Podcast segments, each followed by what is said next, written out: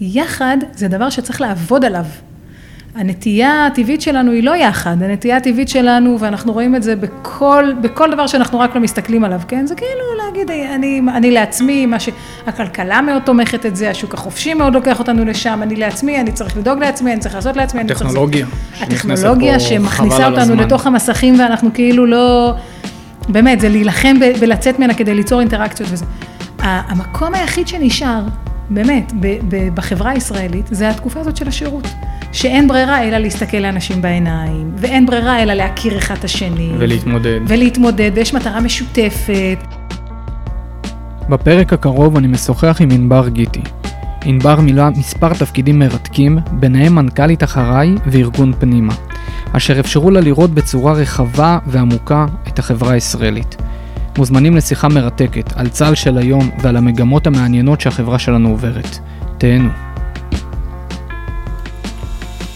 קוראים לי מקס, מקס קפלנסקי. שירתתי ביחידת מגלן כמעט שש שנים כלוחם וכקצין. בעבורי השירות הצבאי היה משמעותי ביותר באיך שהוא השפיע על החיים שלי, קיבלתי ממנו הרבה יותר ממה שאני יכול לתאר לכם במילים. החוויות, הערכים והכלים שקיבלתי בצבא הם חלק בלתי נפרד ממי שאני היום כאדם. כולי תקווה שהפודקאסט יעורר בכם את הרצון לעשות שירות משמעותי. זה הכל בראש, תהנו. אהלן. היי. אה, כיף להיות פה, ואני ממש אשמח שנתחיל משתספרי על עצמך.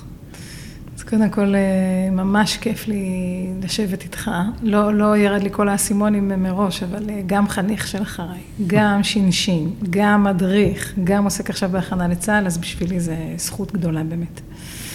אז אני ענבר, הרוש גיטי.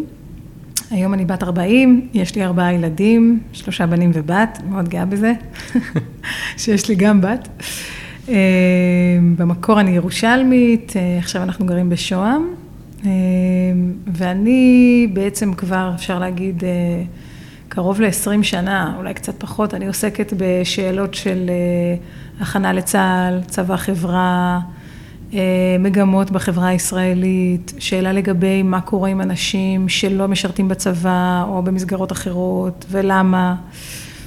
אז uh, התחלתי באחריי, הייתי מדריכה של קומונרים בירושלים, uh, ואחר כך התקדמתי במטה של אחריי, הייתי המנכ"לית של אחריי. Uh, מדריכת קומונרים, הכוונה לשנת שירות, לקומונה. לקומונה, כן. לשינשינים, שזו תוכנית מדהימה שאני ממליצה עליה מאוד מאוד תמיד. זהו, והיום אני, ואחר כך הייתי מנכ"לית עוד של כמה ארגונים אה, חברתיים, גם מנכ"לית של תנועת פנימה שעסקה בנושא של שירות, ובשנתיים האחרונות אני מובילה את מתווה השירות החדש במשרד הביטחון, שזה בעצם דרך לחשוב על כל מיני צעירים שלא יגיעו לצבא, מכל מיני סיבות, גם מסיבות דתיות, גם מסיבות ערכיות, גם מסיבות של שייכות לאומית וככה. ולחשוב איך כן נכון להכניס אותם למעגלים של אה, שירות והשפעה ועשייה. אה, זה לא קל, אבל אה, אני חושבת שעשינו כברת דרך חשובה גם במשרד הביטחון. זהו, ואת כל זה הפסקתי, כי עכשיו אני מתמודדת גם לפוליטיקה, אז אנחנו לא יודעים מה יהיה, אבל אני רצה עם המחנה הממלכתי. זה גם מאוד קשור לכל התפיסות האלה, ושמחה להיות כאן. איזה כיף. כשאת אומרת המתווה, מתווה השירות, הוא מתעסק בכלל החתכים? כאילו, זאת אומרת, כן. מנוער בסיכון, חילוני, כן. חרדי, כאילו, כן, הכוונה היא ממש כולם. לכל מי ש... ממש. ומה, ומזהים שם, כאילו, שני... זה אחוזים גדולים של חבר'ה? כאילו, זה הרבה אנשים שבסוף. לא מתגייסים מסיבות כאלה ואחרות? שאלות מעולות. אז אני, כשהייתי באחריי, אה, הייתי מנכ"לית חמש שנים, ויש איזה כאילו סיפור שהולך איתי. והסיפור זה שכשאני נכנסתי לתפקיד, זה היה בשנת 2014, עשינו את סדרת חנוכה. עכשיו... אה, אחלה סדרה. אחלה סדרה, סדרת חנוכה, ואחריי זה כאילו, זה אפשר להגיד, זה תמצית האחרייניקיות בשלושה ימים. לגמרי. כל החניכים יורדים למדבר, אה, עושים, אה, כאילו כמובן אין אוהלים, אין זה, קר מאוד מאוד, זה דצמבר, זה חנוכה. כולם, כולם, כאילו כל המדריכים, כל הצוותים, כל המתנדבים, אז זה אלפי אנשים בשטח. ועושים סוג של הישרדות שלושה ימים. אה, אנחנו כצוות, כשאנחנו היינו אומרים חנוכה, זה לא חג, זה סדרה, כאילו, זה בכלל, זה לא, אין קשר בין כן. חנוכה לנרות, יש, חנוכה זה סדרת חנוכה. עד היום, הרבה שנים כאילו אני חיה את החנוכה, זה סדרת חנוכה. וב-2014, כשאני הייתי המנכ"לית, אז uh, היו בשטח אלפים, אלפים של חניכים. זאת אומרת, היה באמת, כאילו, לא קל הרי לרדת לשלושה ימים בשטח, ותמיד כשעושים קבוצת הכנה לצה"ל, אז חלק מגיעים, חלק קשה להם וככה, וזה היה היענות ענקית, כאילו, באמת, לא הספיקו האוטובוסים, והיינו צריכים להזמין עוד אוטובוסים, ולא היה מספיק מקום בטקסים, וכאילו, אני זוכרת שזה... ו... זה באמת מטורף, אני זוכר את החוויה שלי, זו סדרה שהיא פשוט פסיכית, כן. כאילו אין, אין דברים כאלה. כן, גם למדריכים הייתה פסיכית. זה היה, כאילו אם מדברים על, על איזה מין התכווננות נפשית כזאת, אז כאילו היה הלילה, היה, הלילה הראשון היה באזור יותר צפוני בנגב, והלילה השני הוא תמיד באזור יותר דרומי בנגב. שהמעלות שם, הטמפרטורה הן באמת אה, כואבות, כן, זה אפס מעלות. אני זוכר אותנו בבוקר לפני המסע עומדים מאחורי האגזוז של האוטובוס, מתחממים. כן, כן, מעלה אחת אולי, אה, קור נורא, כן, וזה אחרי יומיים של טירוף, כן, של, אה, של מסעות, של ללכת ברגל, של, של הרבה מאוד מדסים. אז זה, אני אומרת, זה אולי אחד הרגעים היותר קשים, כי אתה צריך להחזיק כזה וזה. אה, אחריי אגב, לא, לא, לעולם לא הפסיקה עם סדרת חנוכה, זאת אומרת חנוכה זה ממש, זה ממש הסמל של ההכנה לצה"ל באחריי, כי יש משהו כזה בזה שאתה אה, מתמודד עם קשיים נורא גדולים, ואתה בתוך הקבוצה, ואתה חייב להיעזר אחד בשני, ויש איזה מין אחווה כזאת, קשה להסביר את זה, רק, רק כשאתה עובר את זה אתה, תקווה שעשינו כאן מספיק teasing ללכת לקבוצות אחריי עכשיו, אבל, אה, אבל זה מה שקרה ב-2014, ומ-2014, אני פריקית של אה, נתונים, של מערכות מידע וזה, אז כל הזמן הייתי עוקבת לראות אה, כמה חניכים יש בקבוצות, ומאיפה הם מגיעים החניכים האלה, ומה הפרופיל שלהם וככה, וכידוע, אחריי מתמקדת בפריפריה החברתית והגיאוגרפית, כל הזמן מאוד רצינו לראות שמגיעים אלינו נוער שצריך אותנו, לא, לא רק נוער שהיה יכול גם להסתדר בלעדינו, שגם הוא מוזמן. ואז ראיתי תופעה מדאיגה. והתופעה המדאיגה שראיתי הייתה שככל שהזמן עובר, החניכים מקבלים פרופיל הרבה יותר פריפריאלי והרבה פחות אה, מחוזק, נקרא לזה ככה. זאת אומרת, הרקע הסוציו-אקונומי, אה, מקום המגורים, השכונות, הכל נהיה יותר מוחלש, מה שבעבר היה, היינו כל הזמן נלחמים על להגיע ליותר נוער מוחלש. אה, עם הזמן, הקבוצות הקרביות שלנו הפכו להיות יותר מוחלשות מבחינה סוציו-אקונומית. זאת אומרת, הנוער היה נוער שהיה לו יותר קשה בהרבה מאוד מובנים. אז אנחנו כמובן שמחנו מאוד, כי אנחנו מחפשים את הנוער מהפריפריה, וזה אפשר לנו לעשות אה, דרך יותר טובה עם יותר אנשים וככה. אבל אני כאילו בבפנוכו שלי פתאום התחילה איזו דאגה, כאילו לבצבץ כזה, כאילו פתאום אמרתי, רגע, זה, זה אחריי, זה כאילו אנחנו הפרומו לצבא, הרי נכון, אנחנו מתחילים בי', י"א, י"ב, נכון. אנחנו כאילו מקדימים את מה שצה"ל הולך לפגוש, ופתאום אני רואה שהמוטיבציה של הצעירים ממש משתנה, כאילו מצעירים שאמרו קרבי זה אחי, ורצו להיות בצנחנים, ויום סיירות וככה, לצעירים, נגיד ספציפית באזורים היותר מחוזקים, לצעירים שאומרים, אה, למה? כאילו, למה קרבי? אה, עדיף לי ללכת לטכנולוגיה, ל-8200. את מדברת על המקומות המחוזקים, את מדברת כן. על המקומות שבהם היה פעילות כאילו במקומות החזקים בארץ. נכון, למשל, אה, תמיד בקבוצות של באר שבע היו מגיעים אה, ממיתר, מלהבים, מעומר, מהאזורים האלה. וראיתי שפחות מגיעים מה, מהיישובים המחוזקים, כאילו לא הבנתי מה, מה הסיפור הזה. והייתי עוקבת אחרי זה ממש בדבקות, זאת אומרת כל שנה הייתי מסתכלת מאוד מאוד טוב כדי להבין מה המגמות אומרות לנו. אה, וזה עם הרבה דברים שפורסמו בתקשורת, ועם השיח שבכלל שמענו, ומה שהמדריכים היו מספרים לנו, הבנתי שיש איזשהו שינוי. אה, אחריי, אני עזבתי את אחריי ב-2018, אחרי הרבה שנים אה, בתנועה, באמירה של, אני גמרתי לישון בסדרת חנוכה בשק שינה, באפס מעלות. עשיתי את זה 13 פעמים, זה מספיק. ו, ועזבתי לתנועת פנימה, ו, ובאתי אליהם עם זה, זאת אומרת, אמרתי להם, תשמעו, אני מרגישה שיש שינוי גדול בחברה הישראלית, פנימה זו תנועה שכאילו המשימה שלה זה להבין מה קורה בחברה הישראלית ולהציע פתרונות מדיניות. אולי באמת באיזה מילה, כן, נעמיק שנייה מה זה פנימה? כן, אז פנימה זו תנועה מאוד מעניינת, כדאי, אפשר להסתכל באתר שלהם, זה נקרא פנימה ישראל. זו תנועה שהוקמה על ידי הרב שי פירון, שהיה שר החינוך. אמ, וחילי טרופר, שעזב אותה בגלל שהוא הלך לכנסת, אבל באמת אנשים מאוד, אה, גם קרובים לאחריי, גם אנשים שאנחנו מאוד מעריכים, ומיכאל ביטון, ואנשים מדהימים, והם טיפלו בחוק הגיוס. זאת אומרת, הם כארגון, ארגון מדיניות, זאת אומרת, ארגון שכאילו בחן ועשה מחקר ואסף נתונים, וככה הם התחילו לטפל בשאלה הזאת שנקראת חוק הגיוס, כי אם אתם זוכרים, אז אז פעם פעם, לפני הרבה זמן, הממשלה נפלה על חוק הגיוס. לפני שהתחילו מלא מערכות בחירות. ועוד... כמה חרדים התגייסו, בדיוק, התגייסו. השאלה הייתה כמה חרדים התגייסו לצה"ל, ו... והייתה מחלוקת מאוד גדולה בממשלה, ועל זה בעצם הממשלה התפרקה. אה, ופנימה לקחה על עצמה כאילו להתמודד עם סוגיות שהן סוגיות מפלגות, משסעות, מקטבות, ואמרה כאילו אני רוצה להיכנס לסיפור הזה, ואותי, אליי זה מאוד דיבר, כי אמרתי בואנה, אני באה עם כל הידע הזה והתחושות האלה והחוויה של אחריי, חייבת להבין כאילו מה קורה. כי עכשיו, אנחנו כאחרייניקים כל הזמן הסתכלנו על החניכים שלנו, הסתכלנו על הקהל יעד שלנו, לא הסתכלנו עכשיו על כל החברה הישראלית וכולי, מטבע הדברים. ואז התחלנו ככה, כשהייתי בפנימה, לעשות ממש מחקר עומק. אבל קצת, אם אני מבין נכון, שינית מגמה של ההתעסקות בתוך פנימה. כי כן, פנימה, אני מבין, נכון, מההתחלה נולדה כי נכון. יותר חוק גיוס, חרדים, שזה הלב העיסוק. נכון. ואת לא, הכנסת עוד פנימה... איזשהו פן שהוא נשמע שהוא רחב יותר, כן, של כל הסיפור של הגיוס. לפני שאני הצטרפתי, עסקה ב... זאת אומרת, לקחה על עצמה את הנושא של לכידות, שזה גם, זה נושא קריטי, אני, אני חושבת היום בחברה הישראלית אולי הנושא הכי חשוב, אני יודעת שיוקר המחיה הוא דוחק לא פחות, אבל, אבל אני באמת חושבת שכיתוב זה התנאי כאילו לזה שאנחנו כאן. והסיטואציה הזאת היא ש... ואז פנימה לקחה על עצמה להתמודד עם הכיתוב. היא עשתה את זה בצורה של מפגשים ושיח בין אה, אנשים שונים וככה, וכשאני נכנסתי אמרתי להם, תשמעו בואו נלך ונפתור בעיות.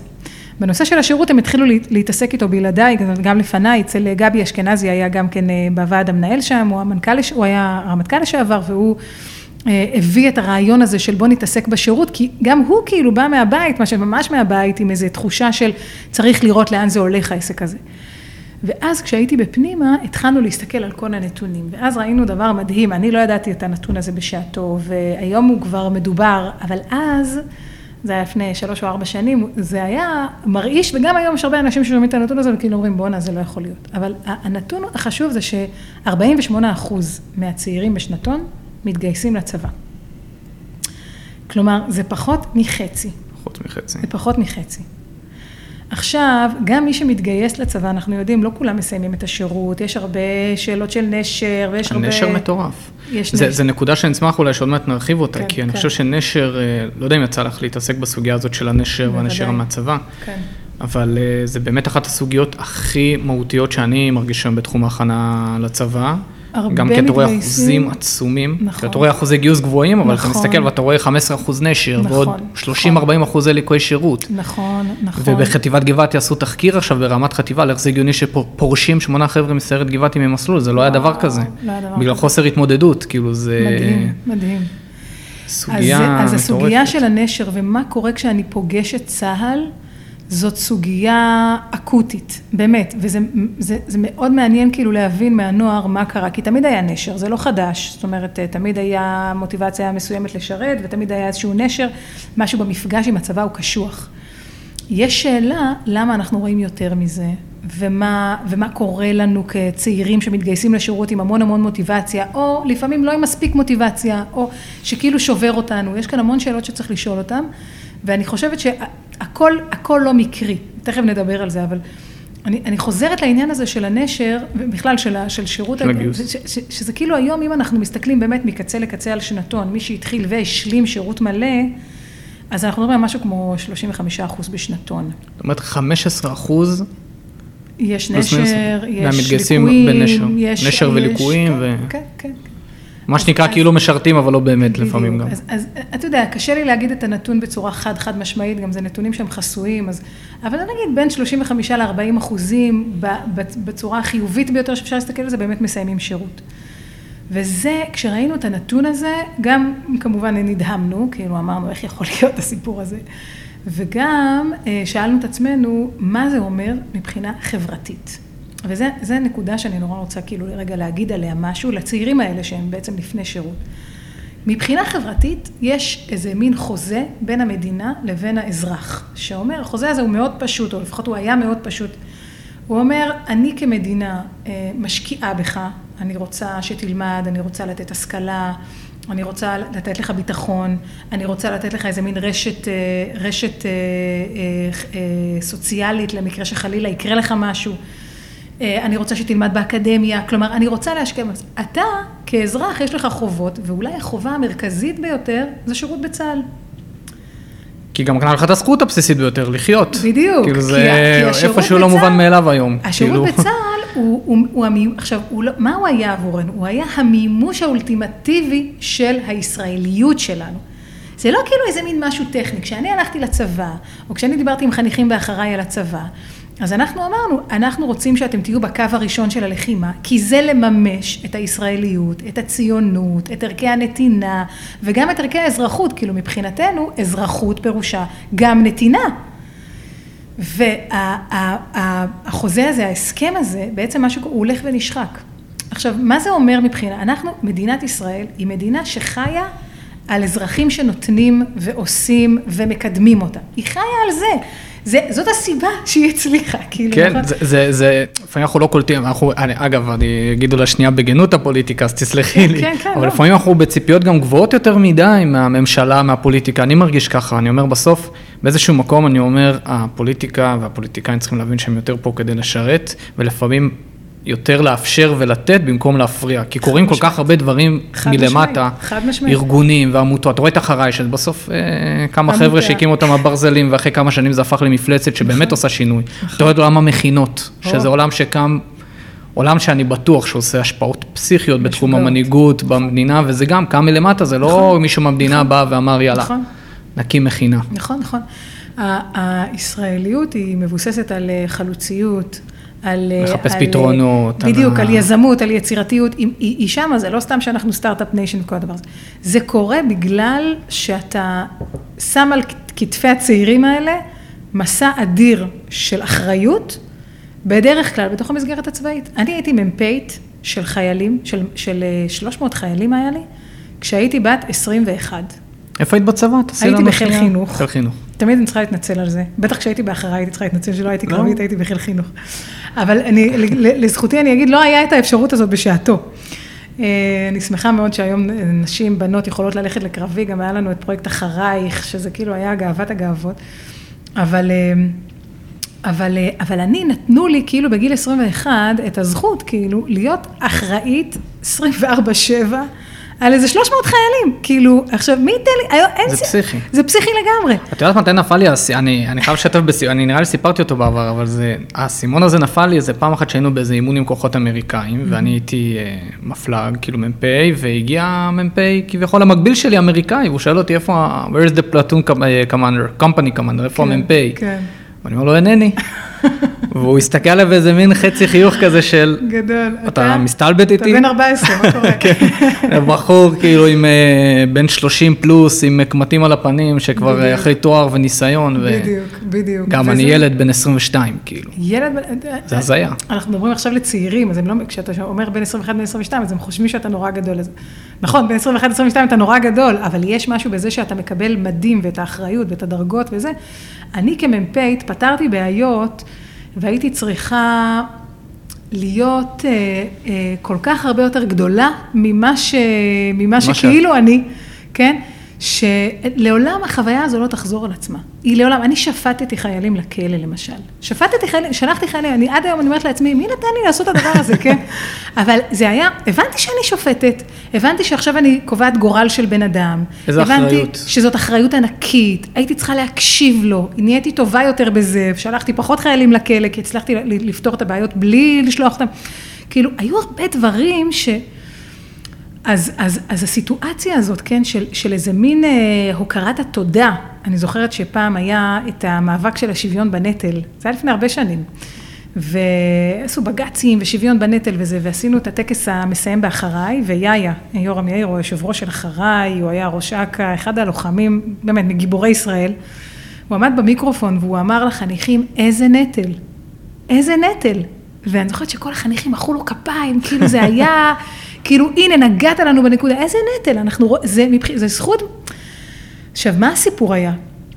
הסיפור היה שכשאתה משתחרר מהצבא, או כשאתה מסתובב עם מדים של אה, חייל קרבי ויש לך כומתה אדומה, אז אני, באמת אני חושבת שזה, לוחמים, הם, הם היו הולכים על עננים, כן? זאת אומרת, אני, אני מקווה שגם היום, תכף נדבר על היום, אבל הם היו, הם היו כאילו נמצאים בעמדה כזאת, שכמו שאני, פתאום היה לי דרגות של קצינה, והרגשתי שאני...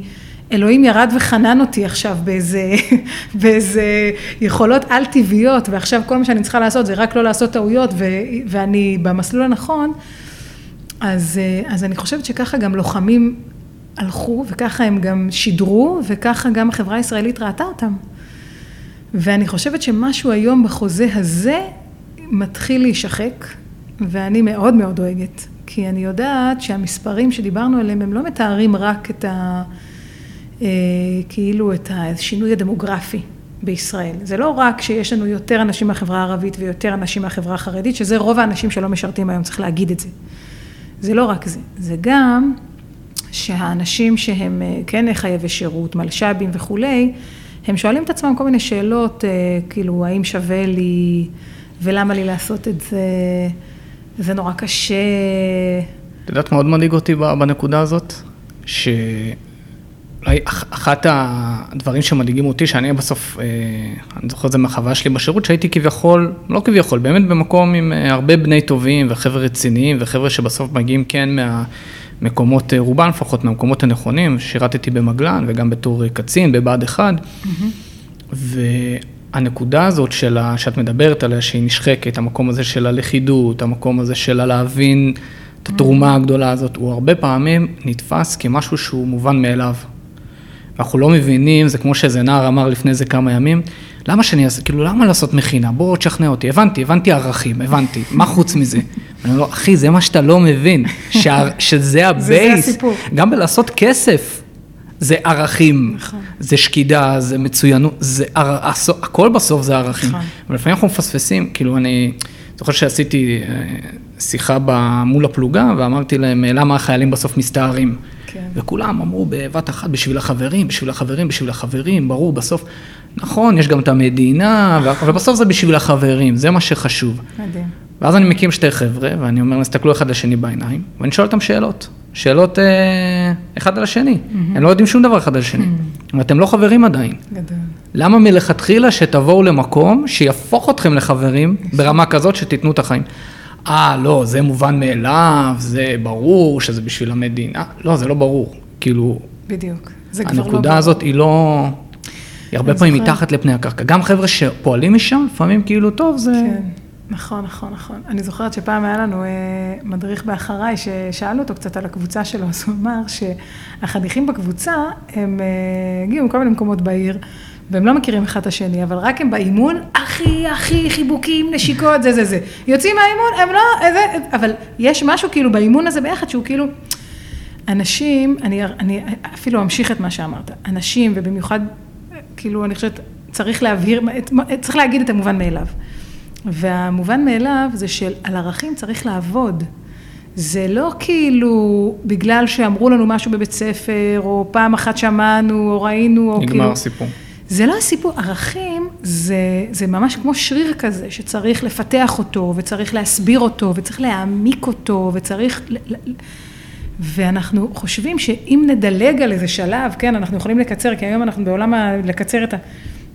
אני לא מכירה דרך ל- ללמד ילדים, ללמד נוער, ללמד אזרחים להיות אנשים ערכיים, שתכף נגיד מה זה הערכים האלה. דרך הטיקטוק. לא דרך הטיקטוק, בטוח שלא, וגם לא מהר, וגם לא כאילו הבנתי יאללה, כאילו הבן שלי אומר לי, טוב אמא, נו הבנתי, הבנתי, וזה, לא, אתה לא הבנת כאילו. החוויה של היחד, שאתה תיארת אותו, כן, כאילו מה הם בעצם אמרו לך, החיילים האלה, הם אמרו, אנחנו יחד. יחד זה דבר שצריך לעבוד עליו. הנטייה הטבעית שלנו היא לא יחד, הנטייה הטבעית שלנו, ואנחנו רואים את זה בכל, בכל דבר שאנחנו רק לא מסתכלים עליו, כן? זה כאילו להגיד, אני, אני לעצמי, מה שהכלכלה מאוד תומכת את זה, השוק החופשי מאוד לוקח אותנו לשם, אני לעצמי, אני צריך לדאוג לעצמי, אני צריך לעשות לעצמי. הטכנולוגיה. צריך... הטכנולוגיה שמכניסה אותנו לתוך המסכים, ואנחנו כאילו לא... באמת, זה להילחם ב, בלצאת ממנה כדי ליצור אינטראקציות וזה. המקום היחיד שנשאר, באמת, בחברה הישראלית, זה התקופה הזאת של השירות. שאין ברירה אלא להסתכל לאנשים בעיניים, ואין ברירה אלא להכיר אחד את השני. ולהתמודד. ולהתמודד, ויש מטרה משותפת. ולשאול ועכשיו, מה זו אותה המטרה משותפת. ול, ולברר אותה. ולברר אותה. בדיוק, ו, ולהתמודד עם השוני. כאילו להתמודד עם זה שבאנו ממקומות שונים, ועכשיו יש לנו תפיסות עולם אחרות, ואנחנו אולי מצביעים למפלגות אחרות, כנראה בטוח, וזה וזה, כאילו, עכשיו בוא נתמודד עם זה. וההתמודדות הזו, בעצם היום, במקום שכל החברה הישראלית תעשה אותה, בסדר? עושים אותה אולי שליש.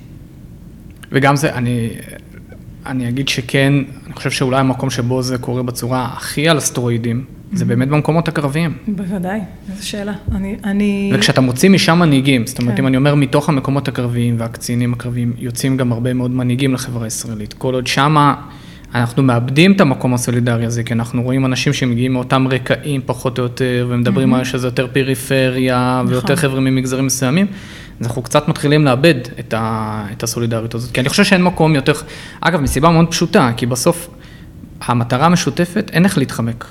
כי אתה יכול להיות הכי ציני בעולם, בסוף אתה צריך להילחם לידי, ואנחנו צריכים להגן אחד לשני על החיים ולהסתכן במוות שלנו. ממש. וזה לא ציני, וזה על השולחן, ולכן אתה עד מחר יכול לקרוא נוח, אה, יובל נוח הררי ולהגיד שאלוהים לא קיים, ואני עד מחר אהיה מישיבת שווה חברון ופועל לתוך תיקון עולם, אנחנו נריב כל הלילה, אנחנו לא נסכים על אלף ואחת דברים. שורה תחתונה, שנינו יודעים שכל אנחנו פה, מחר בבוקר יכול להיות שאנחנו נצטרך להילחם אחד למען השני.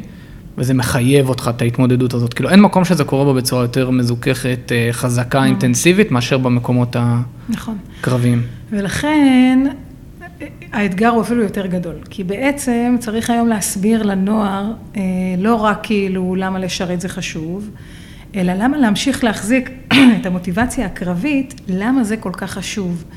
ולמה יש לזה ערך שהוא הרבה יותר אה, גדול מרק לחשוב על זה ששירתתי או לא שירתתי. אה, פעם באחריי הייתה לנו תוכנית אסטרטגית, אה, לפני שסיימתי, ושאלנו את עצמנו מה הדבר שהוא הכי חשוב לנו כארגון. מה הדבר שהוא הכי חשוב לנו. ועמדו בפנינו בעצם שתי, שתי תפיסות עולם, כן? פרדיגמות וזה, אבל שתי תפיסות עולם שאנחנו צריכים להסתכל עליהן. ואחת הייתה סולידריות, אנחנו כאן כדי לתת, אנחנו ראשונים בקו הזה. והשני אמרה מוביליות. מוביליות זה אומר שיותר ילדים ממקומות מוחלשים, יהיה להם הזדמנות להתקדם מבחינה כלכלית בחברה הישראלית. זה מוביליות. והיה ויכוח מאוד מאוד גדול בין הצד של הסולידריות לצד של המוביליות. למה? איפה ישב ה... איפה הוא ישב? כי בעבר, אם היית בצנחנים, אז ממילא זה אומר שהיה לך יותר קל להתקדם מבחינה כלכלית בישראל. אם היית בצנחנים, היית מקבל עבודה טובה, היו רוצים אותך באוניברסיטה, היו לך, היו לך המון המון אפשרויות מראש, זה היה ממקם אותך במקום יחסית גבוה.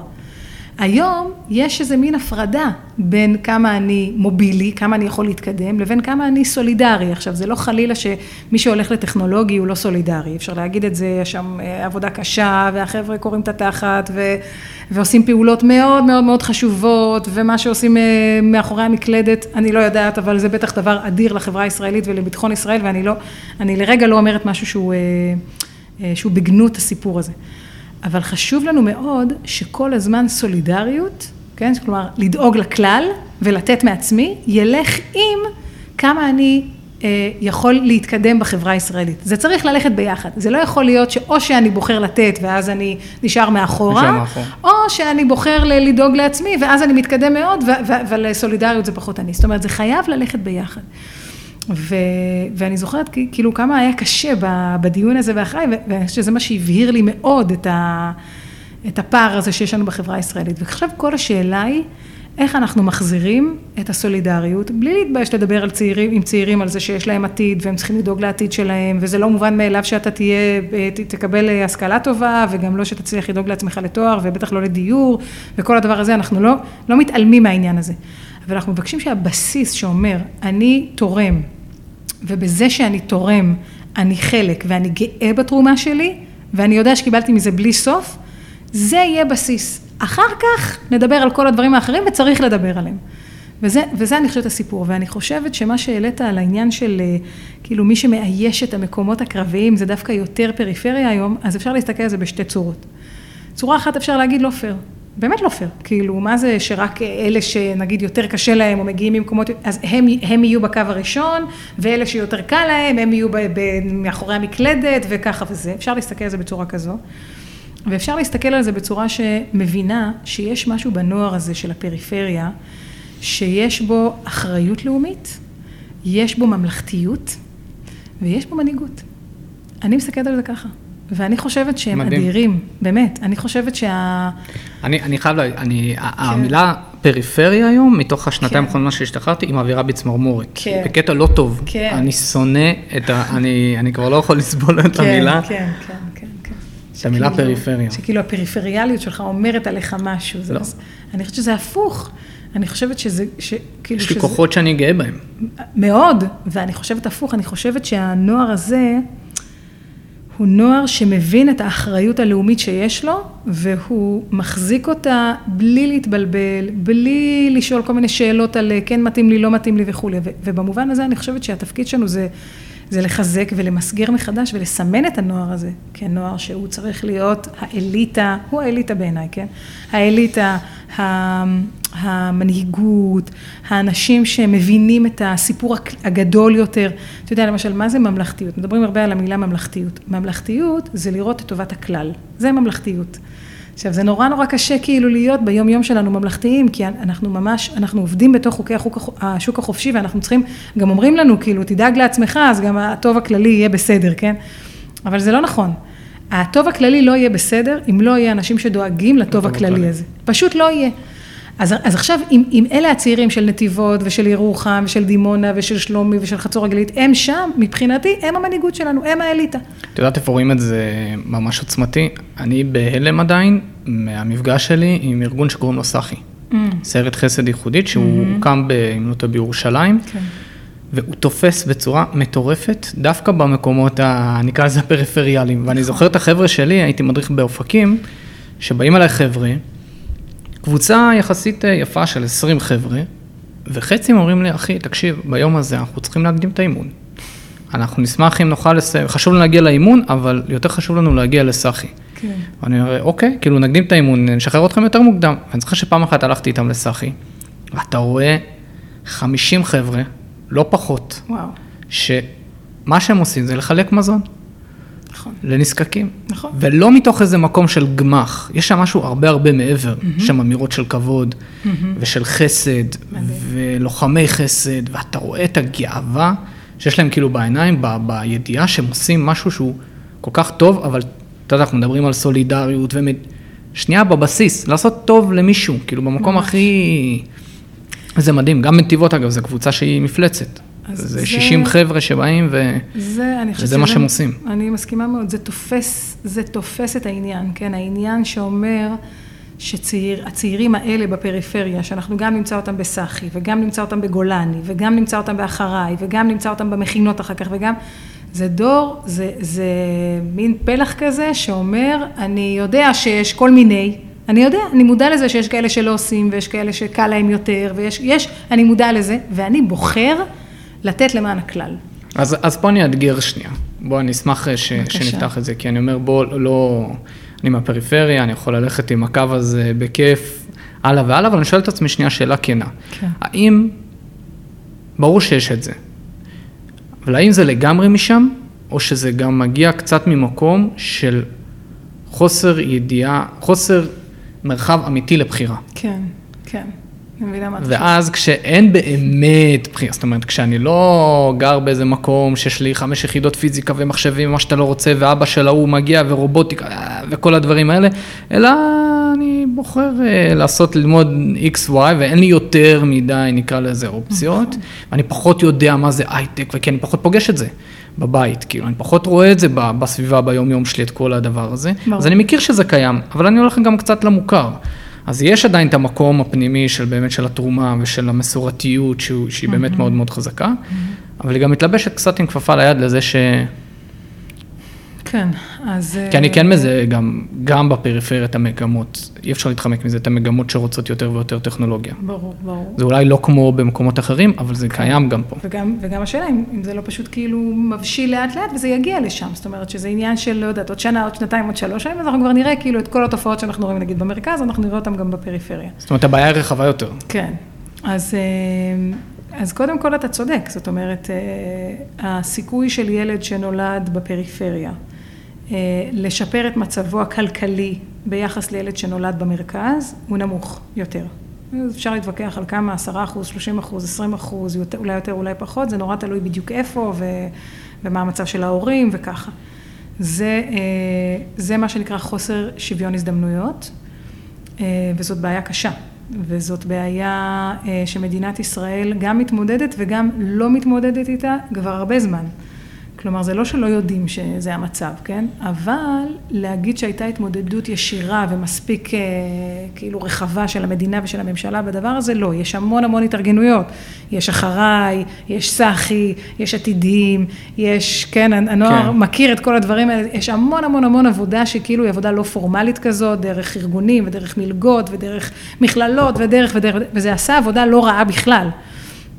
אבל אני חושבת, כן, שאפשר עדיין להגיד שהסיכוי של ילד, גם תלוי באיזה פריפריה, אבל בגדול, בעיירות הפיתוח לשעבר וכולי, להגיע להישגים של, לא, לא כי חלילה הוא נולד אחרת, אלא פשוט כי האפשרויות בבתי הספר, והחשיפה לטכנולוגיה, והחשיפה להייטק, והתשתיות, והחשיפה גם לאוניברסיטאות. כל הדבר הזה הוא הרבה פחות אה, רחב ממה שקיים במרכז, במרכז הארץ, וזאת תקלה חמורה, ויכול מאוד להיות, אה, ש, זאת אומרת, מה זה יכול להיות? בוודאי שיש חלק בזה, שמסביר את ההתנהלות של אה, צעירים מהפריפריה ככה. השאלה היא, עכשיו, עכשיו תראה, אנחנו חיים בעידן טכנולוגי, כולם בטיקטוק, כולם מבינים את זה גם, כולם רואים את הכתבות בטלוויזיה על היוניקורן כן. ועל ההייטק ועל איך לוקחים אותם לסוף שבוע בחו"ל, כזה זה, וארץ נהדרת, ו... כאילו, אני, אני מבינה שמבינים את זה, כן? השאלה היא מה עושים עם זה. השאלה אם יש בפריפריה את הסנטימנט הזה שאומר, בסדר, יש איזה מין עגל זהב כזה עכשיו, כולם אה, מאחריו, גם לנו מגיעה ההזדמנות, וצריכה להיות כל ההזדמנות. ובכל זאת אנחנו לא שוכחים את הערכים שלנו, את הקשר שלנו למדינה, את הסולידריות שלנו. כאילו, השאלה אם יש, השאלה אם, אם נצליח לבנות את הגם וגם הזה. הגם וגם. ו... אני, אני יכול להגיד שאותי אולי זה איפשהו תופס במקום של מה שאני עושה היום, מהמקום mm-hmm. של אני לרגע בשאלה האם אני הולך לעמותות mm-hmm. ולמגזר הציבורי הזה. ו... כי באמת חשוב לי, לצורך העניין ברמה אישית, חשוב לי לתרום ולעשות, ואני mm-hmm. מאוד מתחבר לעולם. מצד שני, אני אומר, זה לא הגיוני ש... שזה השכר, שזה הכסף שזורם שם. נכון. הרי מה אחת הבעיות לדוגמה, אגב, תקני אותי, אני אשמח אה, גם לדעת ממך, אבל אני, כשאני מסתכל אחריי נגיד, אחת הבעיות של ארגונים מהסוג הזה, כן. שבסוף אתה מחויב לכל כך הרבה אנשים שהם אלה שנותנים לך את הכסף, שאתה, קשה מאוד להשקיע באסטרטגיה אמיתית ובשיווק אמיתי ובלהתמקד באמת, כן. כי רוצים שהכסף בסוף יגיע לחניך. נכון. כאילו, איזה תורם ירצה שהכסף שלו יגיע לשיווק וחשיבה אסטרטגית חמש שנים קדימה. כן. ונגיד אחד הדברים שעולים היום, שאני רואה שם את ה... נגיד בעניין הזה את הפתרון, את השילוב הזה שאני מדבר עליו, זה לדוגמה עסקים חברתיים. Mm-hmm. ומצד אחד לא להתבייש בזה שאני אומר, אני מחפש איך לעשות כסף, ואני רוצה שמי שיעבוד תחתיי גם ירוויח משכורות. מדריך במכינה היום מרוויח משכורת רעב. והיום זה קרייסיס, היום מכינות והארגונים מתקשים בלמצוא מדריכים. אנשים שיבואו ויעשו את העבודות האלה. ברור, ברור. כאילו, מי, מי מוכן היום לקבל משכורת של... אה, כן. 6,000 שקל, 5,000 שקל בקושי ולעבוד 24-7. כן, כן, כן. תראה, אתה נוגע כאן בנקודת הנקודות, מה שנקרא, מה העתיד של, של ה, נגיד של שכבת המורים, מחנכים, אנשי עמותות, אנשים שמובילים תהליכים חברתיים. זאת התמודדות אה, מאוד מאוד קשה. אחריי זה, יש לה עיקרון שנקרא צניעות ופשטות. אנחנו נתנו שכר מאוד נמוך למדריכים, לרכזים וגם למנהלים. אמ, אולי בשלבים הראשונים של אחריי זה היה סוג של אידיאולוגיה, אנחנו פה כדי לעשות, לא כדי זה. ו... וזה קצת השתנה עם השנים, אבל ללא ספק זה תמיד אתגר מאוד מאוד גדול. אתה גם רוצה כאילו שאנשים יבואו לתפקידים האלה לא בשביל הכסף, אבל אז אתה אומר, רגע, אבל אני, יש להם משפחה וילדים והם צריכים להחזיק את עצמם, והיום יש יוקר מחיה, והדלק עולה יותר והזה עולה יותר. אמ, אני חושבת שבאחריי כן הצלחנו תמיד לשמור על התמהיל הנכון שבין הוגנות, הוגנות, כאילו שכר הוגן שמאפשר לך אה, להתקיים במה שכן, אתה סטודנט, אתה זה, כאילו להתקיים במסגרת שאתה יכול. אה, וגם מצד שני, להזכיר לך שזה לא בשביל הכסף. זאת אומרת שאתה צריך לתת מעבר, כי יש, כי, כי, זה, כי זה תפקיד חינוכי, כי יש כאן שליחות וככה. באופן כללי בעולם של אה, חינוך, מכינות, מנהיגות וכולי, אני חושבת שצריך למצוא את התמהיל הנכון אה, בין תקופת החיים הזו שלך, שאתה לומד ואתה מקבל המון כלים והמון אחריות והמון זה, ואתה כאילו באיזה סוג של התמחות כזו. ולכן אני יודעת שקשה, צריך להעלות את השכר ברמות מסוימות, אבל אני, אני דווקא כאילו מאלה שאומרים, זה נורא תלוי בתקופות, גם כשאין באחריין אומרים יש חובה ויש קבע. יש את האנשים שהם מדריכים, שעכשיו הם נקראים בשכר נורא נמוך, אבל הם לומדים, וזה דרך, וזה הדרך שלהם להתמחות ולעשות יותר וככה. וכשהם הופכים כאילו לקבע, כן, אז, אז בוא ניתן להם את האפשרות לחיות ו, ולנהל משפחה וככה. אני עדיין, אה, אני קצת אה, מיושנת, כן, אבל אני עדיין מאמינה בסיפור הזה של... אה, אבל, אבל אתה משלם שאלה. איזה שכר לימוד מסוים. נכון, אבל זאת שאלה שמעסיקה את החבר'ה. כאילו, אני, כן. אני באמת, אם אנחנו שנייה חוזרים למקום של הנוער, כאילו, ש... mm-hmm. למקום הזה של הצבא, של התפקיד mm-hmm. של הצבא בתוך הדבר הזה, כי mm-hmm. זה מעסיק הרבה חבר'ה. כאילו, השאלה הזאת של מה יצא לי מזה, כן.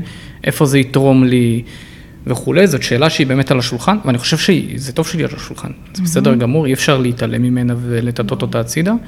ואני חושב שהנקודה שדיברת עליה היא באמת נקודה מעניינת, על המקום הזה של לראות האתגר היום בשילוב. בשילוב של מצד אחד, אני לא מתבייש לשאול את השאלות האלה, ואני מחפש קריירה, ואני רוצה להרוויח, והכל בסדר, נכון. ואני, העולם מתקדם לאנשהו, והעולם נכון. מתקדם, אנחנו רואים את זה ואי אפשר להתחמק מזה, נכון. וזה נכון. מגרה אותך. מצד שני, איך אני בכל זאת בתוך הדבר הזה גם משלב את, ה, את הערך, את הסולידריות, את החיפוש אחר משהו שהוא משמעותי וגדול יותר. אגב, מתוך גם הבנה בעיניי, שזה לא סותר, הפוך. כי אני... זה לא אמור לסתור. זה לא אמור, את יודעת שהמנכ"ל של, דיברנו עליו, על גלעד, גלעד יאבץ, שהוא המנכ"ל של חברת אנלייט ויושב ראש עמותת מגלן. Mm-hmm. עכשיו, חברת אנלייט, אני מציע פה לחבר'ה להיכנס לאינטרנט, לראות מה השווי ערך של החברה. Mm-hmm. זה עשרות מיליארדי דולרים היום, חברה רצינית. ואצלו במשרד, אני לא אשכח שיש לו מדף. ועל המדף יש אה, סוג של כזה, נקרא לזה גביעים כאלה של כל מיני עסקאות שנסגרו, וכל עסקה זה מאות אלפי דולרים, כאילו 350 מיליון דולר, ו... וואו. ובין כל הדברים האלה, יש תעודה, סוף מסלול יחידת מגלן. והוא אומר שה... ולא סתם, גם לא סתם היום בתור מנכ"ל חברה שבלי קשר הוא עושה משהו שהוא מאוד, אה, מבחינתו, טורבינות רוח ואנרגיה מתחדשת, זה העתיד וכולי, אלא גם תורמים הרבה כספים לארגונים ומקימים פרויקטים חברתיים וכולי, זאת אומרת, השילוב הזה הוא גם בעיניי הוא מקור עוצמה. כאילו, ואני מתערבת לא... איתך שהחברה שלו... הוא לא או זה או זה. ברור, ואני אגיד יותר מזה, שאני מתערבת איתך שהחברה שלו היא חברה שהוגנת מאוד לעובדים שלה, למשל. ואני, בלי להכיר אותו ובלי להכיר את החברה, כן? אבל רק מהסיפור הזה. שיש לה מודעות חברתית וסביבתית ענקית, שהיא אה, כל הזמן חושבת על ההשפעה שיש לה על החברה, על האנשים, על הציבור וככה. מה אני מנסה להגיד? מי ש... לאחרונה דובר על שכר החיילים. אני חושבת שלהגיד שכר חיילים זו טעות נוראית. אין שכר חיילים. יש מלגות לחיילים, יש החזרי הוצאות לחיילים, יש דמי קיום לחיילים, יש כל מיני דברים כאלה לחיילים, זה בסדר גמור, אבל חיילים לא מקבלים שכר. כי אני לא משלמת לך להיות בגולני בכסף, כן? כי גם כשאתה משתמש בזה, אתה עכשיו מפלה הסון, כשאתה נגיד, כשאתה משתמש בטרמינולוגיה הזאת של שכר שכר, אז איפה הגבול? בדיוק, עכשיו מה זה, מה, אני משלמת... גם עשרת אלפים שקל לא יספיק לי. ברור שלא, מה זה, אני משלמת לך כדי לעמוד בקו הראשון של ביטחון ישראל, זה לא, זה לא אלף שקל, וגם זה לא אלפיים שקל, וגם זה לא עשרת אלפים שקל, על זה צריך לשלם הרבה אלף, עשרות אלפי שקלים, כן? בחודש לאדם. אנחנו בכלל לא שם. אנחנו בשיחה על משמעות, על סולידריות ועל נתינה. ובזה אנחנו כאילו משלמים, אנחנו משלמים בערכים. עכשיו זה שצריך החזר הוצאות וצריך לשלם על המלגה באוניברסיטה וצריך לתת השלמה טכנולוגית וצריך להשלים אה, בגרויות ו- ו- ודיור וכל הזכויות שרק אפשר לדבר עליהן, צריך ואפשר לדבר עליהן, כן? זה אחד הדברים שאני רוצה לעשות שאני אהיה בכנסת בעזרת השם זה חוק הוקרת המשרתים. זה חוק שאומר מה מגיע לאדם שעשה שירות משמעותי ובטח אם הוא היה לוחם וגם אם הוא היה בסוגים אחרים של, של שירות, מה מגיע לך לקבל, כאילו, כן? אבל הלקבל הזה, זה, זה, זה לא לקבל משכורת. אני לא משלמת לך על העבודה שלך, אני מוקירה את מה שעשית. זה לא אותו דבר. זה לא אותו דבר, אני חושבת שהוקרה יש לזה, יש לזה משמעות הרבה יותר גדולה. וזה לא אומר פחות או יותר כסף, או... ממש זה, לא, זה עניין זה של אומר תפיסה. להסתכל על זה אחרת. זה עניין של איך אני מסתכל על הדבר הזה. חד משמעית. עכשיו אני רוצה להגיד עוד דבר, תראו, שוק התעסוקה וכל התהליכים שקורים היום, אם פעם, כן, בתקופתי, אז היית הולך להיות, אה, נגיד, לעבוד בבנק, והיית עובד בבנק 30 שנה, 40 שנה, יוצא לפנסיה, זהו, כאילו, זה הקריירה שלך הייתה, היית מתקדם בתוך הבנק וככה. אז מי כמוכם יודע, כן, שהיום עולם התעסוקה, איך אני בוחרת אנשים אה, לתפקיד? אני מסתכלת על זה שהם עשו כל מיני דברים, אני רוצה שהדברים האלה יהיו מגוונים, ואני רוצה כאילו הפוך, לראות שהם לא נתקעו במרכאות יותר מדי זמן באותו תפקיד, כי אז זה אומר שכאילו לא, העסק לא התפתח מספיק, כן? ככה אני חושבת. אז מה, איזה, איזה סוג של מיומנויות, כן, אתה צריך, צריך. צעירים צריכים, כן, בשביל להיות במקום הזה שזה. צריך להיות יצירתיים, וצריך להיות מסוגלים לקבל החלטות מהירות, וצריך לעמוד בתנאי לחץ, וצריך לעבוד בצוות, כי כל עבודה היום היא בצוות, אין שום דבר שאתה עושה היום לבד. וצריך אה, להבין... שזה, שזה ההלקאה הכי גדולה שלנו לדעתי, העניין הזה של ההבנה שזה שותפות ועבודה עם אנשים, הרי ביום ראשון שלך, ב... עכשיו פתחנו את שנת הלימודים, mm-hmm. הדבר הראשון שאתה עושה כשאתה מגיע לבית ספר, מהמקום המדהים הזה של גן, של השיתוף פעולה, של המשחקים, כשאתה mm-hmm. מגיע לבית ספר, זה להישב מאחורי שולחן, אל תדבר עם אף אחד. כן, תהיה... אתה צריך להקשיב, אתה צריך חיים עצמך, ומעבר לזה, ההצלחה שלך בלימודים ב-12 שנה הקרובות תלויות אך ורק בחיים עצמך. נכון. והחיים לא עובדים ככה. ממש לא. החיים עובדים בצוות. כל דבר שאני... הצלחתי לעשות, זה בדרך כלל היה שהיה לי צוות מצוין, או שאני הייתי שותפה בצוות מצוין, ולפעמים ניהלתי ולפעמים נוהלתי, בכלל לא משנה, אבל עבדנו יחד. והעניין הזה של כאילו לעבוד יחד, במובן הכי, כאילו, זאת מיומנות, כן? כאילו, איך אני מתחבר לאנשים, ואיך אני לא יודע לקחת את המקום שלי, ולזוז הצידה כשלא צריך, זה, זה סיפור ללמוד את הדבר הזה. איפה לומדים את זה? לומדים את זה בצבא. אני כמנהלת, אני ניהלתי, אני ניהלתי המון המון דברים, גם ניהלתי את אחריי, שהיא באמת הייתה ארגון ענק. אני למדתי לנהל כשהייתי מפקדת בצבא. בגיל 20. שם למדתי 18-19, שם למדתי לנהל. כל מה שאני יודעת על ניהול, אני יודעת משם. איך אני יודעת לחנך? הייתי בחיל חינוך. כל מה שאני יודעת, עשיתי תואר, גם ראשון וגם שני. זה נתן לך בסיס שאין שני לו. אנשים, אנשים בחו"ל מקבלים לא, את הדברים האלה רק לא, בגיל... זה כאילו בסיס, כאילו הרבה פעמים שאתה נמצא באיזו חוויה כזאת מורכבת, שאתה צריך עכשיו להתמודד עם איזה משהו מסובך, קרה לך משהו בעולם האמיתי בעבודה שלי וזה, אז אני נזכרת בדברים שעשיתי בצבא, או איך פתרתי את זה שם, או איזה... זה, זה, זה, זה פשוט כאילו מין קר, קר של לימוד שקשה להסב... קשה, קשה לשחזר אותו באיזשהו, לכן זה נורא בעייתי. כן, גם הסיפור הערכי, אבל גם בעיניי הסיפור הכלכלי והתעסוקתי, שיש לנו כל כך הרבה צעירים שלא עוברים דרך המנגנון הזה של השירות, שלא מקבלים את החוויה הזאת ואת ההתנסות הזאת, זה כאילו, זה פער שאין דרך לסגור אותו, האוניברסיטה לא תסגור אותו, המכללה לא תסגור אותו. האוניברסיטה מתרסקת, זה לא, זה לא ילך. גם אוניברסיטאות בגלל הדבר הזה הולכים מתרסקים, היום כל השיחות, כל השיח על הסיפור הזה של הלימוד האקדמי, נכון. הולך להשתנות נכון. בטירוף. הם יותר. ויותר מציעים קורסים ודברים קצרים, כן, ובדיוק... אז אני רוצה לספר לכם על איזה משהו, ישבתי לא מזמן עם מפקד מאוד בכיר בטכנולוגיה של צה"ל, איש מאוד מאוד בכיר. ואמרתי לו, תשמע, היום הצעירים, זה לא מעניין אותם לעשות uh, תואר ראשון ועתודה, ואז לבוא אליכם אחרי העתודה, ואז כאילו לחתום אין סוף שנים, לא יודעת כמה היום צריכים לחתום בעתודה, וזה וזה. צעירים רוצים לעשות קורס, לגמור עם זה, לעשות זה. אז הוא אמר לי משהו שכאילו הולך... אגב, אני חייב לעצור אותך שנייה בתוך הדבר הזה, כן. כי זה בדיוק, לא נצלול לזה עכשיו, אני... כן. אבל זה אחד הסיבות שזה כל כך מצער אותי, שאני רואה שבפריפריה דווקא אחוזי היציאה נכון, לעתודה הוא עולה. נכון, נכון, נכון. כי זה בדיוק אה, הפער הזה. נכון, אז כאילו אולי לא מודעים לזה שאפשר לעשות דברים באינסטנט, אבל אז אני רוצה להגיד לך מה הוא אמר לי. הוא אמר לי, אמרתי לו, אפשר לעשות אה, קורס תכנות, אה, חצי שנה, אחרי הקורס הן יכולות, בנות כזה יכולות לתכנת, אחר כך זה, אחר כך, למה אנחנו צריכים את כל התואר הזה? וניסיון, ואתה גם מרוויח הרבה יותר ניסיון. וניסיון, והנה הניסיון, אז הוא אמר לי, אבל מי יבנה טילים? עכשיו, כשהוא אמר לי, מי יהיה המהנדס שיבנה לנו טילים, אז אותי זה זרק, כאילו זה עשה לי כזה, כמו איזה בום כזה של, שנייה, יש ערך להעמקה, יש ערך ללמידה ול, ול, וללהבין עד הסוף כל דבר. האינסטנט הזה, הוא, הוא ייקח אותנו איזה דרך מסוימת, ואז אני הלכתי ובדקתי. אני שאלתי אנשים שעשו עבודה מאוד רצינית על הייטק בישראל, כמה אנשים התקבלו לעבודה בהייטק בלי שהם עשו תואר שלם במדעים, לא סתם, כאילו לא, חלילה, לא, לא תואר רשום סתם, אני גם לא כן. לא עשיתי במדעים, אבל כאילו, הייטק כאילו הנדסת מחשבים, הנדסת חשמל, הנדסה, ההנדסות האלה למיניהם, שזה ארבע שנים קשות, ו, ו, והובהר לי ש-90 אחוז, אני לא יודעת, אל תתפסו אותי על הנתון, אבל 90 אחוז מהעובדים בהייטק הם, הם בוגרי תואר מדעי. עכשיו, למה אני אומרת את הדבר הזה? אני אומרת את הדבר הזה לא כי אני רוצה להגן על העתודה או, או, כל, או כל מיני זה, אני אומרת כאילו גם כתפיסת עולם, כן, כרעיון.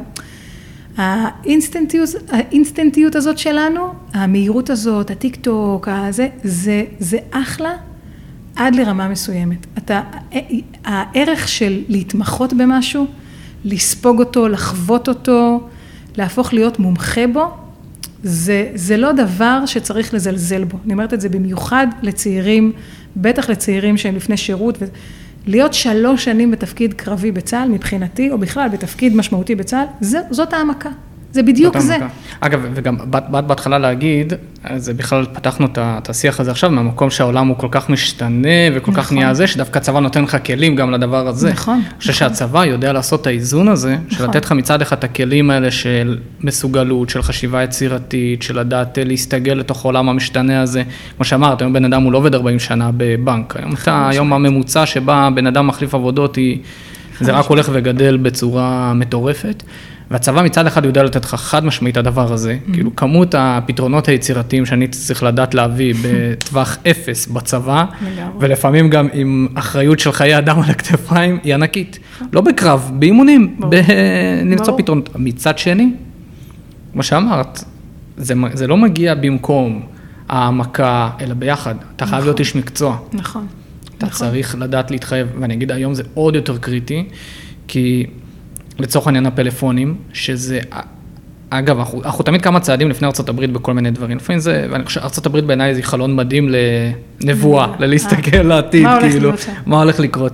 אז לדוגמה העניין הזה של הפלאפונים, מיכה גודמן מקדם את זה כן, חזק מאוד היום כן, במדינת ישראל, מהפכת הקשב, הוא כן. כינס מנהלים, והוא באמת עושה בזה תהליך מאוד מרשים. ממליץ מאוד אה, לראות את ההרצאות שלו על הכיתוב, על הפלאפונים ולקרוא את הספר.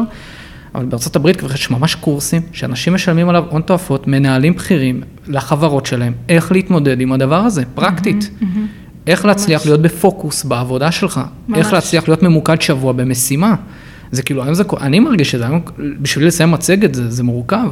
אתה כל כך כאילו באינסטנס, והצבא פתאום להגיע שבוע. תשים את הפלאפון בצד. אנשים, היום זה נגיד בעיה בצבא.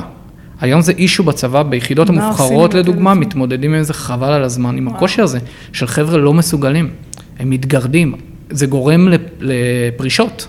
הצבא לא יודע איך להתמודד עם זה, חבר'ה פורשים, חבר'ה טובים פורשים מיחידות, כי לא יכולים להתמודד שבוע בלי פלאפון. מדהים.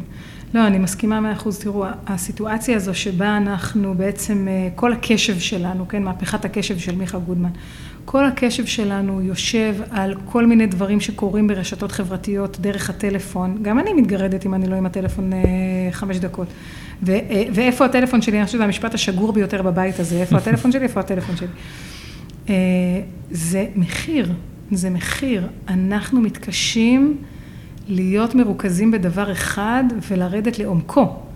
וזאת בעיה שתפגוש אותנו בעולם התעסוקה שלנו, באיך אנחנו כותבים, מאיך אנחנו כותבים מכתב, דרך איך אנחנו עושים מצגת, דרך איך אנחנו מתכנתים תוכנה, דרך איך אנחנו מנהלים אנשים, הכל, וזה, וזה, וזה, וזה זאת אומרת, בצבא, במכינות קדם צבאיות, יש את ה... יש את הניסיון האמיתי הזה וזה. כן. זה המקום שלנו לרכוש, כאילו היום זאת מיומנות, כן? אנחנו גדלנו בלי טלפון, אבל הפכנו להיות מכורי טלפונים. היום הילדים שלי גדלים עם הטלפון, ממש מגילאים מאוד מאוד צעירים, הם לא יודעים מה זה כאילו לזכור משהו לבד, הם תמיד מחפשים אותו בזה, לא... אני זכרתי מספרי טלפון. כשהייתי קטנה, את כן, המספר טלפון של אבא שלי בזה, את המספר טלפון של אימא שלי בעבודה, אז הייתי צריכה לזכור טלפון. כשנסעתי ללשכת הגיוס, אז uh, כתבתי על דף את מה הרחובות, ולאן אני צריך ללכת, ואיזה אוטו, איזה קווים לקחת. כן, היינו מדפיסים מהוואלה מפות, היה משהו כזה, היינו מדפיסים את הדרך, וככה היינו כאילו זוכרים איך להגיע. זה מצחיק שגם אני מדבר על זה, כי זה, מראה גם עד כמה זה חדש. עד כמה זה חדש. כאילו, אני, סך הכל בן 27, ואני חייתי בעולם אחר ממה שחיים היום. אז, אז אנחנו צריכים כאילו להבין את, ה, את השינוי הענק הזה, כן, שעובר עלינו, וגם את החסרונות של השינוי הענק הזה, כן. אני כתבתי, אני הייתי בתיכון, וגם כשהייתי בתואר ראשון. כתבתי סיכומים, וכל שיעור היינו זה, עכשיו הבן שלי צריך לכתוב סיכומים, אז הוא עושה בגוגל איך עושים סיכום. אז יש לו כל מיני כאלה. אז אני אומרת לו, בסדר, אתה יודע מה, זה, זה דבר מצוין, תעשה בגוגל איך עושים סיכום, אבל אז שב תעשה את הסיכום, כן? זהו, אז, אז השירות במובן הזה, ואני רוצה כאילו להגיד מילה, יש גם שירות לאומי, יש, היום אנחנו מנסים לפתוח כל מיני תצורות של שירות אחרות, גם לחברה הערבית, גם לחברה החרדית. אז בואו נדבר על זה, כי אנחנו גם צריכים להתכנס לסיכום. כן, כן, כאילו, כן. מה, מה, אז, אז מה את עושה השירות, היום, מה צריך לעשות זהו, כדי... אז, אז אני אומרת, המקום האחרון שנשאר על חברה הישראלית, באמת, האחרון שצריך להגן עליו, זה השירות. השירות כמרחב בזמן, שנתיים, שלוש, שכל צעיר וצעירה נותנים, כדי uh, לעשות משהו טוב למען החברה הישראלית. אז יש לנו את הצבא, שזה כמובן העוגן החשוב ביותר, גם המימוש האולטימטיבי ביותר, וגם מי שצריך לתת להם את מירב ההוקרה, זה חיילי צה"ל, ובטח הקרביים שביניהם. אבל מי שזה לא, יול... לא הולך לשם, מהמון המון המון סיבות, צריך למצוא את עצמו משרת, זאת המילה, משרת, או בשירות ביטחון פנים והצלה, משטרה, כבאות, מד"א, אלף דוגמאות שיש לנו לדבר הזה, או בתחומים של רווחה וחינוך. את הדבר הזה צריך לעשות במקצועיות, כמו שעושים בצבא, צריך לעשות את הקורסים הנכונים, צריך לאפשר לאנשים להתנדב, לשרת בדברים שהם באמת ייתנו להם ערך. אחד הדברים שאנחנו חושבים שאנחנו יכולים לעשות בצורה אוטומטית, וזה תמיד מוציא אותי מדעתי, זה חינוך. למשל היום יש כל מיני אנשים שמשרתים בשירות לאומי בחינוך בבתי ספר. והם כמעט לא מקבלים הכשרה, זאת אומרת, יש להם איזה כמה ימי אוריינטציה. אני, כשהייתי בצבא והייתי בחיל חינוך, כמות הקורסים שהושקעו בי, כמפקדת, כמפקדת מתחילה, כקצינה, כזה, כדי שאני אלמד איך עושים חינוך, היא, חצי מהזמן ביליתי בקורסים. לא הבנתי בדיעבד כמה זה נותן לי הדבר הזה, אבל לשלוח ילד לכיתה, אז התפיסה שמתווה השירות שלנו מנסה להוביל, זה שבדומה לצה"ל, שיודע לקחת צעירים, לעשות להם הכשרות מצוינות, כן, למיין אותם בצורה הכי טובה, לעשות להם הכשרות מצוינות ולקחת אותם לתפקידים משמעותיים, ככה צריך להיות במרחבים נוספים, ככה צריך גם להיות... בתוך הצבא. גם בתוך הצבא, גם מחוץ לצבא, למשל במשטרה, למשל בכבאות, אתה יודע שחסרים למשל המון לוחמי אש בישראל, המון, כמה, כמה מאות, אפילו, אפילו אולי אלף כבאים חסרים בישראל, ואנחנו נמצאים בפני התחממות. משטרה. משטרה, שלא נדבר על זה, אבל הכבאות זה דוגמה נורא חשובה, יש התחממות גלובלית, כל קיץ יש המון המון המון שריפות, היה לנו אסונות על, על הנושא של שריפות. יש למשל מצב שבו אם היינו מחזיקים מספיק צעירים שהיו יודעים להיות בודקי שריפות כזה, זאת אומרת אנשים שהולכים למתקנים ציבוריים, לבניינים וזה, ובודקים, יש לכם את כל מה שצריך כדי להתמגן מפני שריפה למשל, או שימו לב, כאן יש זה, זה מקצוע, להבין כאילו איך, זה מקצוע הדבר הזה. אז האם היינו יכולים לקחת צעירים ולהכשיר אותם לעשות את זה, ואז למנוע המון המון שריפות, או בניינים שנופלים, או תשתיות לא טובות, בח... היינו, הרבה אסונות היו נמנעים בישראל בשביל הדבר הזה. יושבים בבית 50 אחוז משנתון ישראלי, שיכול היה לעשות את זה. זאת אומרת, צריך למצוא את הדרכים שבהם אנחנו יכולים לקחת את, ה... את החבר'ה ואת השנתון שמסיים י"ב, ולמצות אותם עד תום. נכון. ולמצוא להם את המסלולים הנכונים. אני חושב... אני אשאל אולי באמת ככה לקראת סיכום, הדבר הזה הוא גם נכון פנימה, אני מבין, נכון? לתוך הצבא, כאילו, גם החוצה כמובן, כן. זאת אומרת, יש פה אחוזים גדולים, אבל גם בתוך הצבא אני מרגיש כן. שהצבא לא יודע באמת בכל מיני אזורים בתוך הצבא למצות את האנשים שלו. הצבא נמצא בסיטואציה באמת שיש אזורים שיש לו עודף גדול של חיילים, ויש אזורים שיש לו חוסר של חיילים. ואלה, זה לא תמיד מסתדר, כן, כי יש מיון, ויש את הקבעות, ויש את כל הדבר, זה לא תמיד מסתדר שאתה יכול למלא את החוסר. וגם היום זה יותר מאתגר לצבא, היום אם פעם אתה מתגייס ונגמר הסיפור, ואומרים לך לאן, ובגדול תשתוק וזהו, היום הרבה יותר בועטים, היום יש לי העדפות, מה אני רוצה. רגע, אולי אני שם, אמא שלי תתקשר ותתערב גם בלאן, ואני... כל יחסי ה... כאילו צה"ל והחייל השתנו מאוד. אני חושבת שזה טוב שלחיילים יש יותר מקום להביע את עצמם ולהגיד מה הם רוצים וככה, ואני חושבת שגם הדבר הזה יכול למנוע בעיות. והצבא גם, אני חושבת, מודע לזה שהוא לא ידע, בטח בטווח הארוך, לתת מענה לכולם. זאת אומרת, הוא יצטרך מתישהו להגיד, אוקיי, יש לי יותר מדי עודף במקומות מסוימים, ועכשיו אני צריך להפנות אותו לצרכים אחרים של החברה. ואז אם לא יהיה לך מסלולים של צרכים אחרים, שהם גם, כמו שאת אומרת, מחוץ לצבא, אנחנו נהיה בבעיה מאוד גדולה. בדיוק. כי בלאו הכי האחוזים יורדים, ובמקום בדיוק. הבנת... לבוא ורק להתלונן כל שנה שאין לנו מספיק, אין לנו מספיק מתגייסים, נכון, נכון. צריך להביא הבנת פתרונות. בדיוק את העניין. אנחנו רוצים שכל הצעירים בישראל, יהיה להם את האפשרות להגיד, שירתתי, ושירתתי בצורה משמעותית, וקיבלתי הרבה מהשירות הזה. קודם כל בזה שנתתי, ואחר כך בזה שיש לי הרבה זכויות והוקרה וככה. אז זאת המשימה. מדהים. תודה. איזה כיף, תודה רבה לך. תודה לך. היה ממש כיף מעניין, מאוד. תודה. לגמרי.